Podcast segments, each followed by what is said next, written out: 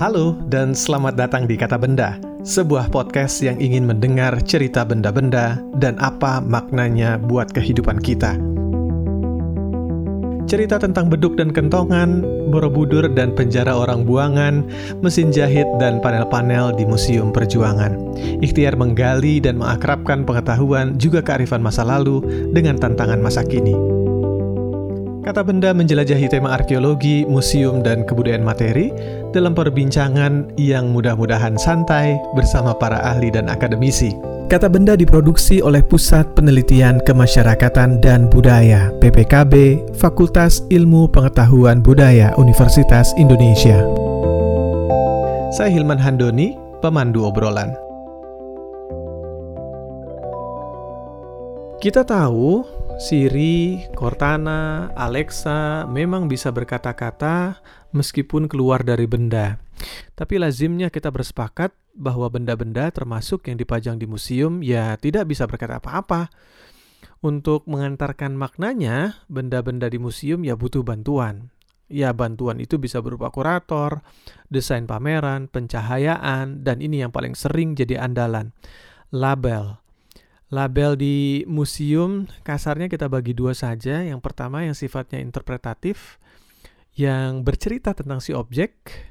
Yang kedua itu sifatnya non-interpretatif. Misalkan dilarang menyentuh petunjuk arah atau perintah berinteraksi dengan objek, misalkan buka tutup, pegang, nyalakan, dan lain-lain. Tapi mungkin beberapa dari kita merasakan kadang-kadang label yang sifatnya interpretatif tadi kadang-kadang mendiskriminasi. Misalkan terlalu besar atau terlalu kecil hurufnya atau tidak bisa diakses oleh difabel bahkan. Uh, ada juga label-label yang kelewat panjang atau kelewat sedikit sekali ceritanya, dibuat asal-asalan, tidak menarik, sehingga ujung-ujungnya diabaikan pengguna museum. Tapi yang lebih gawat lagi adalah label bisa menimbulkan kesalahpahaman atau yang lebih mendalam dari itu mewarisi sudut pandang kolonialisme. Kita tahu pemerintah kolonial Belanda memang sudah angkat kaki, tapi apakah pola pikir, sudut pandang, perspektif kolonial tetap bisa bertahan? Bagaimana mengubahnya sehingga bisa merawat keakraban dan kemanusiaan? Kita akan memeriksa warisan-warisan di museum termasuk warisan kolonialisme itu lewat label-label bersama Ajeng Ayu Araini Kasih. Dia adalah dosen arkeologi FIB Universitas Indonesia dan kandidat doktor dari Universitas Leiden di Belanda.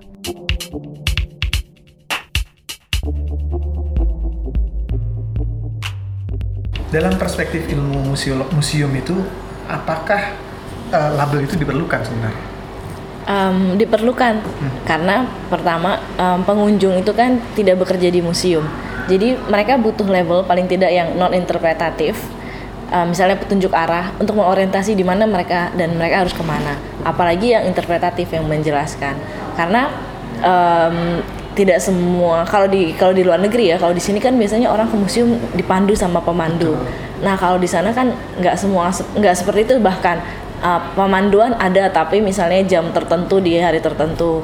Uh, dan memang displaynya dibikin dibuat untuk uh, bisa dieksplor sendiri gitu. Jadi um, label either itu di print atau audio label itu dibutuhkan. Baik. Nah, kemudian kita bicara spesifik tentang uh, label yang sifatnya interpretatif tadi. Hmm.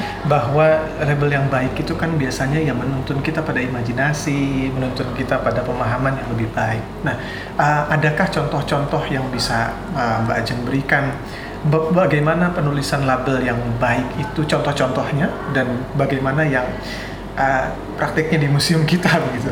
Oke, okay.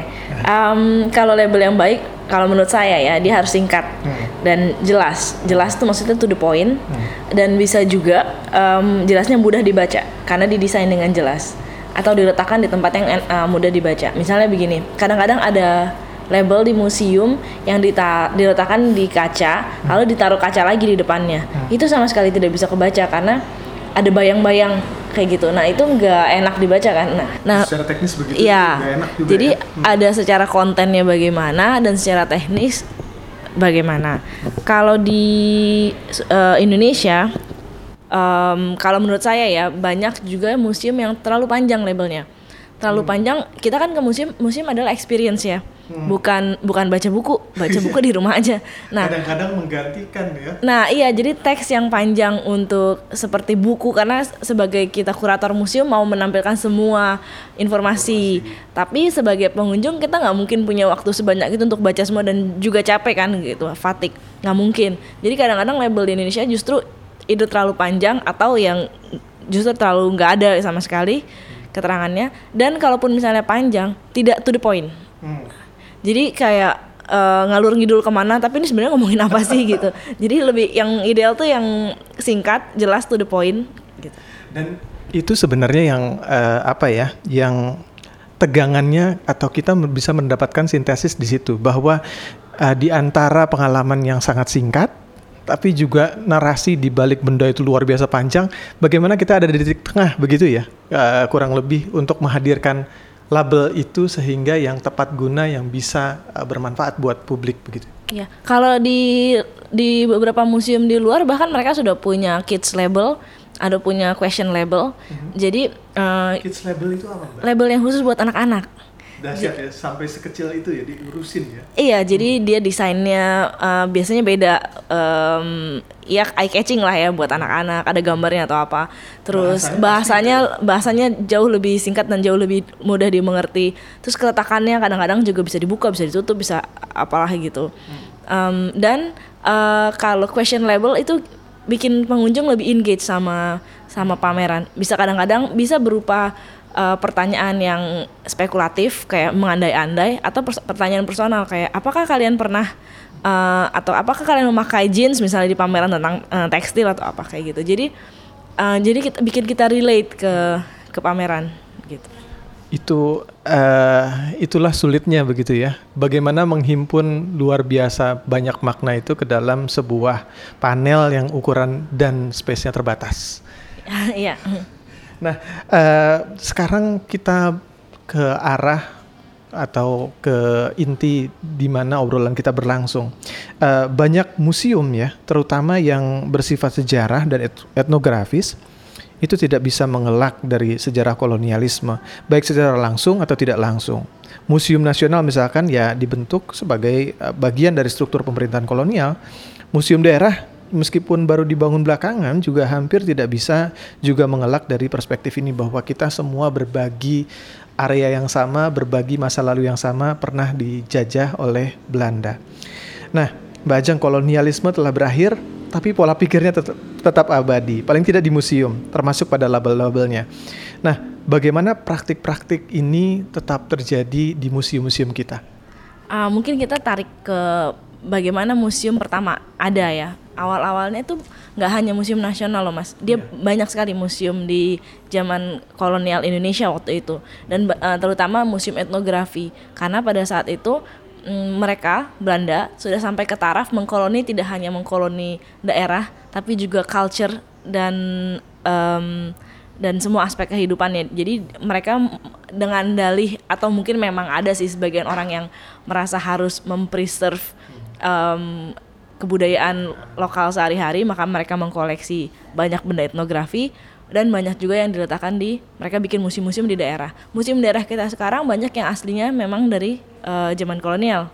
Aceh, uh, Jogja, Bali itu. Dan sebenarnya di Kalimantan, Sulawesi, bahkan Maluku itu dulunya juga sudah ada walaupun habis itu uh, hilang ya waktu zaman Jepang atau apa, tidak bertahan. Nah, Uh, kemudian di era zaman Soeharto, sorry sebenarnya zaman Soekarno dulu ya, um, mereka melihat bahwa museum itu penting, maka uh, mu museum mulai di ini kan lagi ya di apa namanya di iya. iya ya mulai diberikan pem, uh, perhatian deh. Nah giliran di zaman Orde Baru uh, untuk punya satu provinsi uh, satu museum di satu provinsi itu uh, fokusnya mereka. Dan di satu poin um, mereka menjadikan itu sebagai semacam seragam gitu. Kalau musim provinsi itu seragam seperti itu. Nah sudut pandangnya, sudut pandang masa masa itu uh, bagaimana mereka masih pakai refer buku itu buku-buku yang ditulis oleh Belanda dan juga uh, sejarah yang mereka anggap benar adalah official military history pada masa Orde Baru kan. Jadi semua narasinya hampir ya hampir-hampir sama seperti itu. Nah, yang bagaimana uh, apa namanya praktek pola pikir kolonialnya terlihat, misalnya dari uh, melihat orang lain, walaupun kita sesama orang Indonesia sebagai others. Orang lain ya. Sebagai the others, ya maksudnya sebagai orang yang lebih rendah dari kita, hmm. terutama orang-orang yang misalnya di dianggapnya uh, terbelakang, suku terbelakang, suku tertinggal, hmm. bukan terbelakang sih ya, apa di daerah tertinggal misalnya. Boleh sebut nama museum nggak? Boleh, Boleh. Misalnya nih, uh, saya pernah di Museum Bahari di Bintan. Hmm. Itu um, di satu lantai duanya ada pameran tentang orang laut, hmm. kalau nggak salah suku suku suku ya suku sukunya di di Bintan lah situ di daerah situ. Nah itu kelihatan banget mas yang bikin label orang kota. Hmm.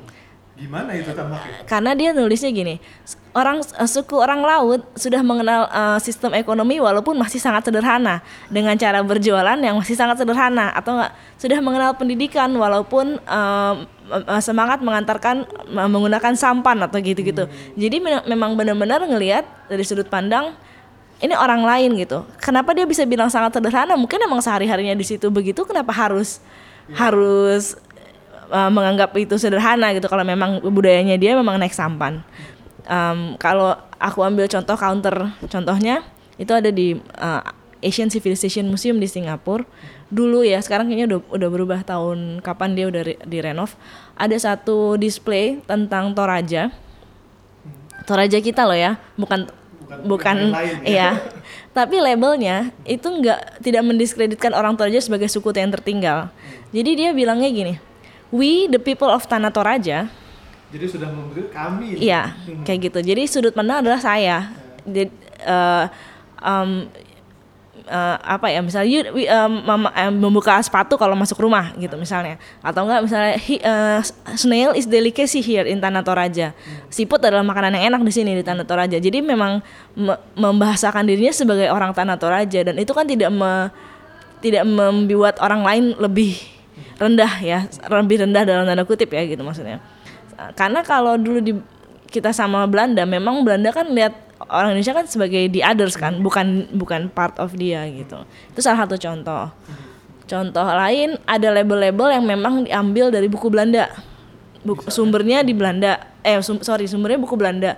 Terus tanpa ada um, apa ya namanya tanpa ada uh, usaha untuk mengganti ya di copy paste aja gitu foto dan labelnya misalnya di pernah lihat nih di museum gula di Klaten ada gambar orang lagi uh, gali tanah gitu. Terus tulisannya Indonesian Coolie working on a trench. Oke. Okay. itu museum dibangun tahun 80 apa 90 berapa gitu ya. itu ketika melihat itu tahun berapa ya? 2018. 2018 itu itu kan ya maksudnya kan uh, Indonesian Coolie working on a trench oke okay, kita kan juga orang Indonesia ya gitu terus lucu sih tapi sedih ya maksudnya sedih, sedih. Ya. Hmm. Yang terakhir contoh kasusnya adalah bagaimana sudut pandang kolonial yang me mengkotak-kotakan um, society uh, apa Eropa dan Indo terus Timur asing terus pribumi itu masih dipakai di di di kehidupan kita yang udah merdeka lebih dari 70 tahun.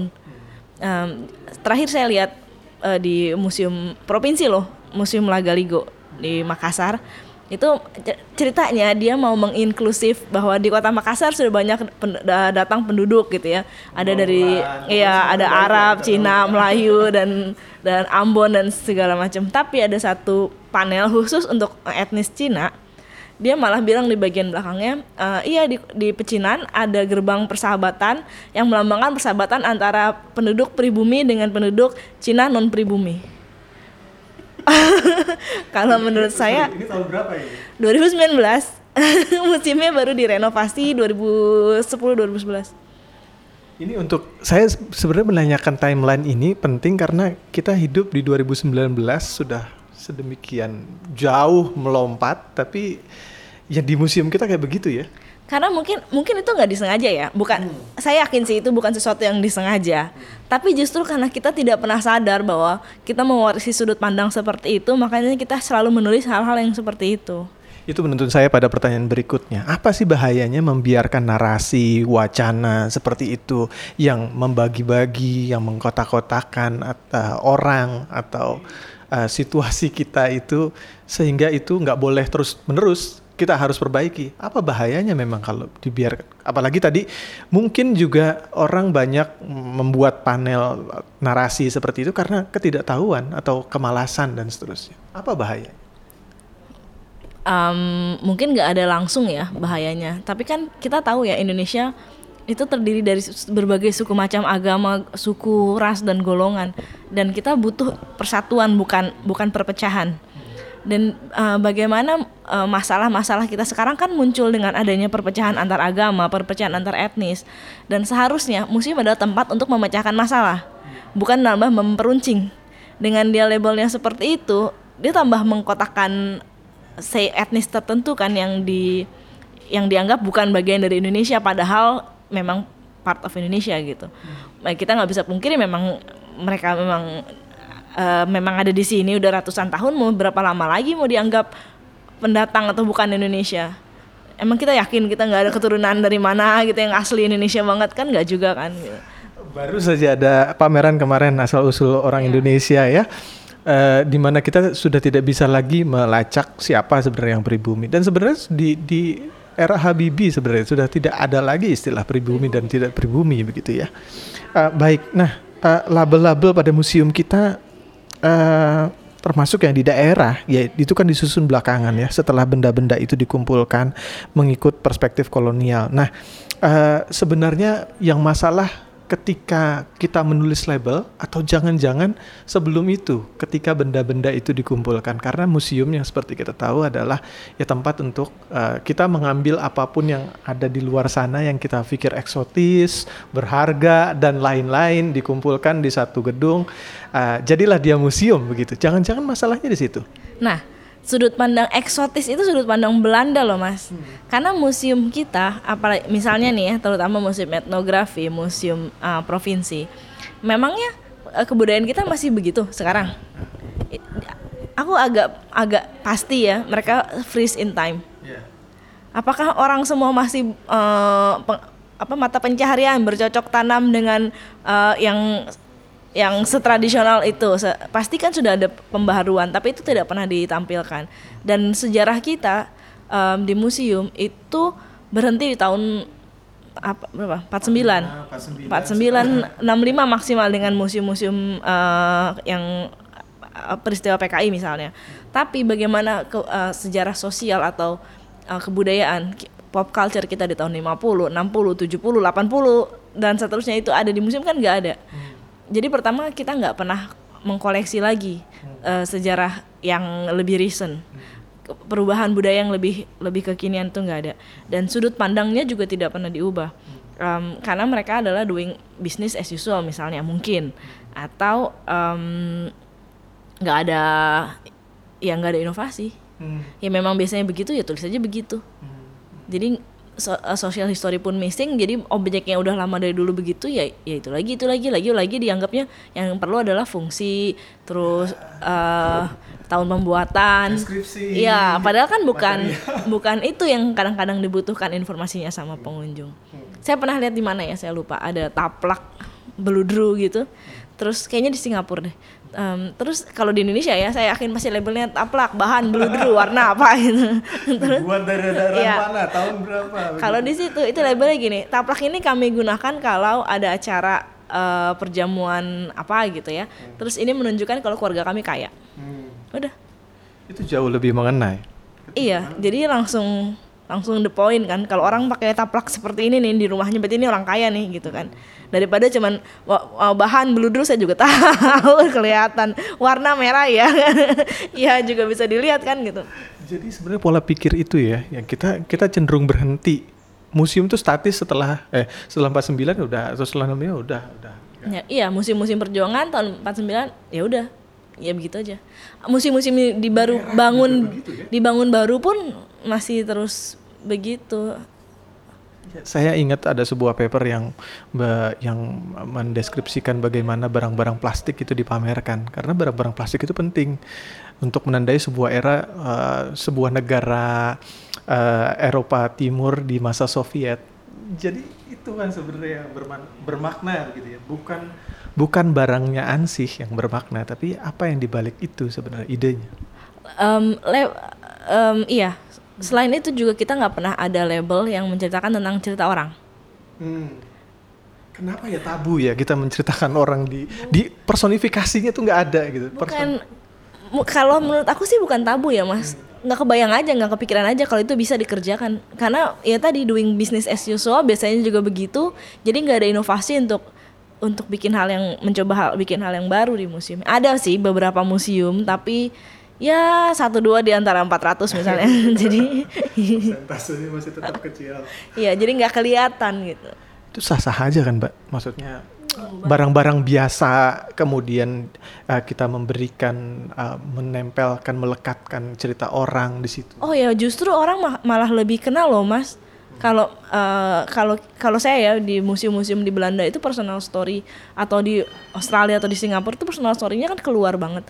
Kita malah lebih kena lihat uh, peristiwa misalnya penjajahan Jepang dari lihat si siapa yang orang biasa dipukulin karena dianggap berkhianat padahal enggak kayak gitu. Atau si siapa di kawinan apa yang bagaimana padahal ya she's just ordinary person gitu tapi ada ceritanya di situ ada message-nya bahkan jadi kayak misalnya Nah, kita dulu waktu kecil main di kampung dan kita nggak peduli uh, tetangganya dari agama apa karena kita sama-sama jadi kita uh, siapa yang rayain hari raya apa kita ikutan makan-makan gitu. Jadi kayak gitu-gitu hal-hal yang oral wawancara oral history itu bisa dijadikan label. Dan itu yang kita nggak pernah di sini juga. Nah, kita bicara soal message pesan, kita bisa uh, bicara soal juga bagaimana museum sebenarnya punya peluang sebuah arena untuk menjadi mengakrabkan warga-warganya gitu ya. Tadi kalau kita tadi contohnya bagaimana museum itu meneruskan pola pikir yang membagi masyarakat. Kita sekarang coba apa yang bisa kita lakukan ya agar uh, museum kita itu lebih ramah, lebih mengakrabkan warga, warga dan seterusnya. Di Amerika sendiri beberapa patung yang memotret uh, tokoh konfederasi pendukung perbudakan itu dirobohkan. Museum of Modern Art baru dibuka kembali konon akan lebih banyak menampilkan karya-karya dari warga kulit berwarna dan perempuan setelah dikritik kiri kanan sebagai bagian dari institusi yang memelihara diskriminasi. Uh, Amsterdam Museum baru-baru ini juga mengubah istilah Golden Age dengan abad ke-17 yang lebih netral. Nah, uh, tentu saja tadi contoh-contoh tadi problem-problem uh, problem negara kolonial berbeda dengan negara yang menjadi objek kolonialisme termasuk Indonesia. Nah, uh, apa kemudian yang bisa kita lakukan, Mbak? Peluangnya ada di situ. Edukasi. Hmm. Uh, yang jelas adalah edukasi pegawai museum dan uh, pembuat kebijakan di permusiuman bahwa uh, mengubah sudut pandang itu bisa dilakukan dan itu penting karena selama ini uh, edukasi yang dilakukan biasanya teknis. Uh, label uh, kriterianya misalnya teks teks dinding, um, objek label panjangnya segini atau apa, tapi tidak pernah membahas bagaimana sudut pandang yang bisa dilakukan untuk diubah. Jadi semua membahas hanya teknis, teknis, teknis. Biasanya ya yang setahu saya. Nah itu bisa diubah untuk educate bahwa uh, changing your point of view is important, hmm. gitu. Kalau menurut saya. Dan itu susah itu susah ya. Educate people itu paling susah. Apalagi kemudian kalau people-nya itu ya ya cenderung uh, bekerja atau hidup uh, beroperasi dalam ranah birokratis yang kaku begitu ya, yang bisnis ya ya biasa begitu-begitu aja, digaji dan seterusnya begitu. Itu agak sulit lagi. Nah, tapi yang paling penting adalah nggak cuma label berarti ya, tapi sudut pandang. Iya. Tapi bagaimana kalau kita scoop kecilkan dulu uh, scope pekerjaan kita dengan uh, merevisi atau memperbaiki label-label kita. Apakah itu juga akan berdampak, Mbak? Kalau menurut saya uh, akan besar ya mas dampaknya hmm. karena kalau sekarang kan orang kayaknya loose ya sama museum, nggak hmm. ada relevansinya sama museum. Jadi ya museum masa lalu nggak ada hubungannya sama hidup gue sekarang gitu kan. Hmm. Jadi kalau misalnya labelnya diubah, misalnya misalnya pun misalnya ditambahin kids label atau ditambahin um, question istilah, label yang yang gitu ya? iya atau sudut pandangnya juga lebih lebih enak dibaca daripada hanya sekedar uh, jenis benda dan segala macam atau yang justru kepanjangan yang isinya nggak jelas uh, seperti baca buku gitu. Itu pasti bisa mengubah orang lebih nyaman dengan museum kalau menurut saya ya. Dan kemampuan menyentuh emosi itu juga penting begitu ya. Penting banget. Penting banget. Mu- museum is emosional loh di beberapa tempat emang memang ada ya. Saya pernah ngerasain sendiri beberapa tempat emang yang dari pameran tuh kita benar-benar gitu yang kok gini ya? gitu. Yang wow. Merasa takjubnya tuh ada. tak either takjub atau sedih justru kalau misalnya emang ceritanya Menggugah sedih emosi gitu ya. Iya benar-benar yang hah iya. Ya, yang begitu ya. Baik, nah eh, kita bergerak kemudian museum apa sih? Museum seperti apa sih yang sekarang kan zamannya revolusi 4.0 lalu juga eh, big data, AI dan seterusnya begitu. Ini museum akan berkompetisi dengan mesin-mesin dengan informasi yang melimpah di mana-mana begitu ya.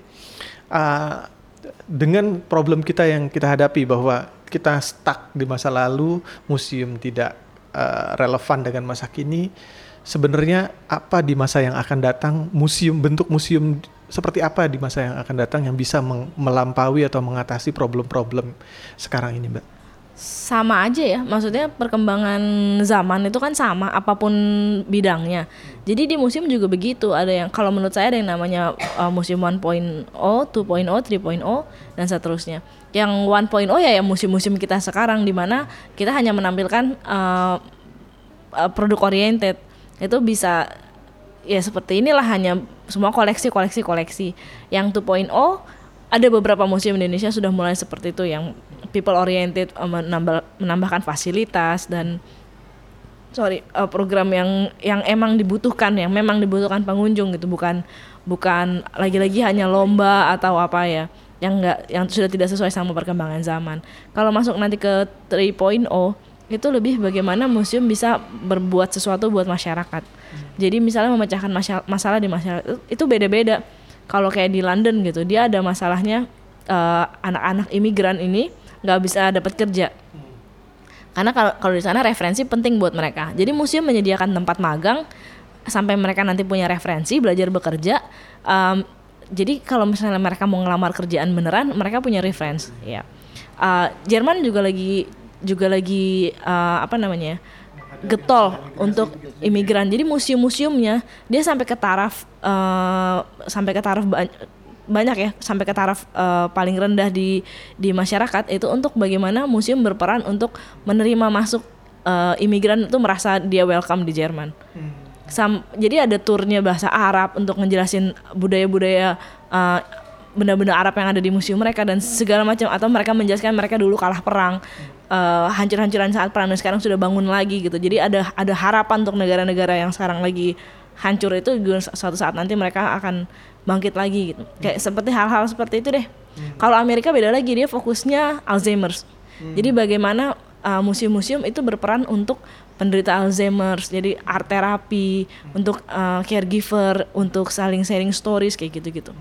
Jadi ya tergantung masalah kita apa. Bisa di bisa di dipecahkan di situ gitu.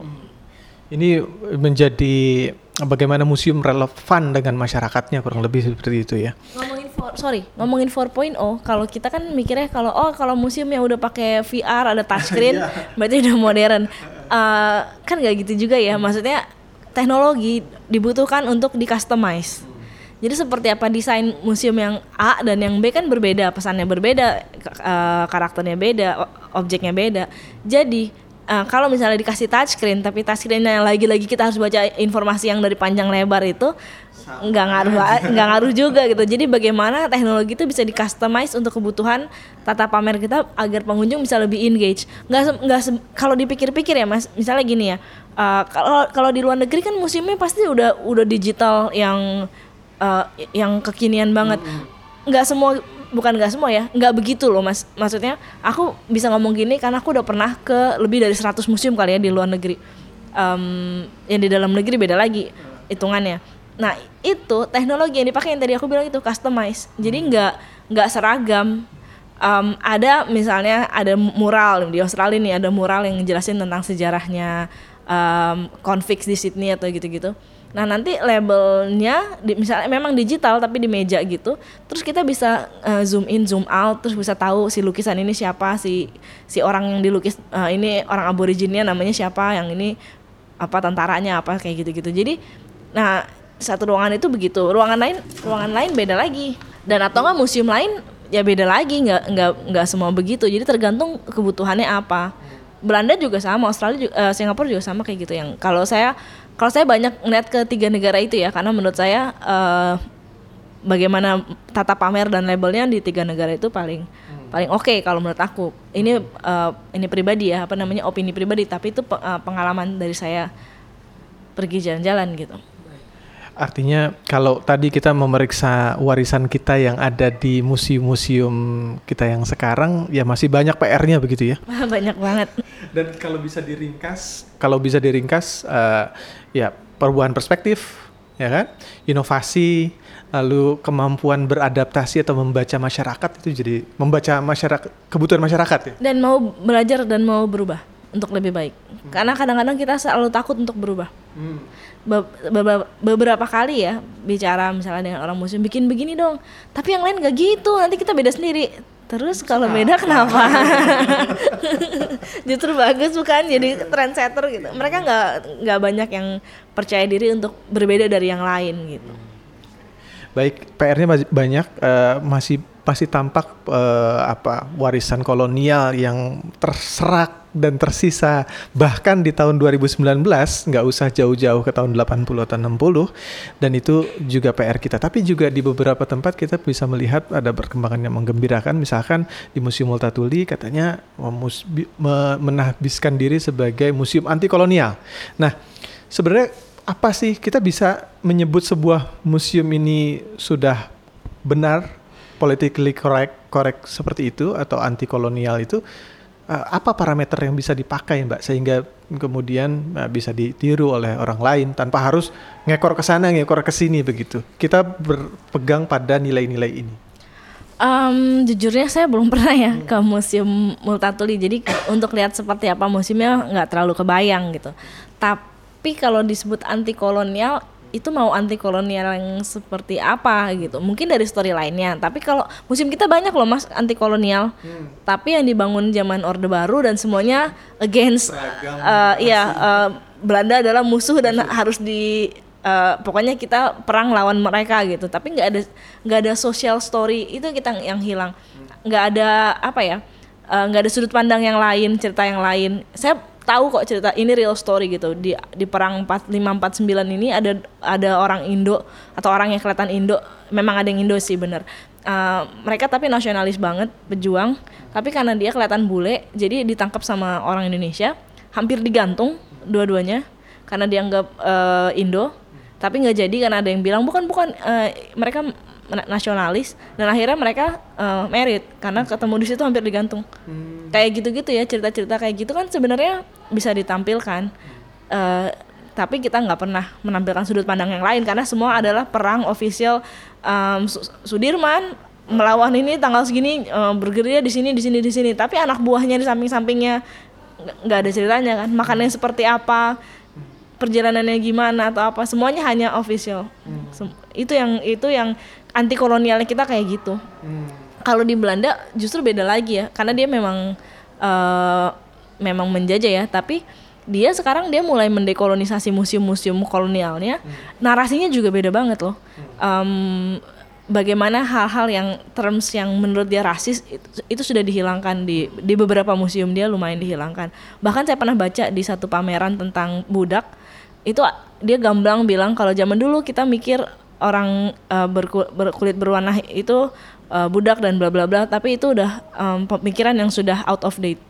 Uh, uh, sains terbaru mengatakan bahwa DNA manusia itu sama bla bla bla nggak ada yang tidak ada yang uh, ada yang lebih tinggi, kastanya ya, lebih tinggi atau yang lebih rendah gitu. Dan itu ada di museum-museumnya dia. Hmm. bahkan kalau tentang Indonesia saya pernah lihat ada lukisan bagus gitu ya lukisan kolonial bagus gitu tentang Indonesia. Terus dibilang di situ bahwa uh, iya ini lukisan bagus uh, memperhatikan jalan raya pos apa jalan raya Dendels itu ya.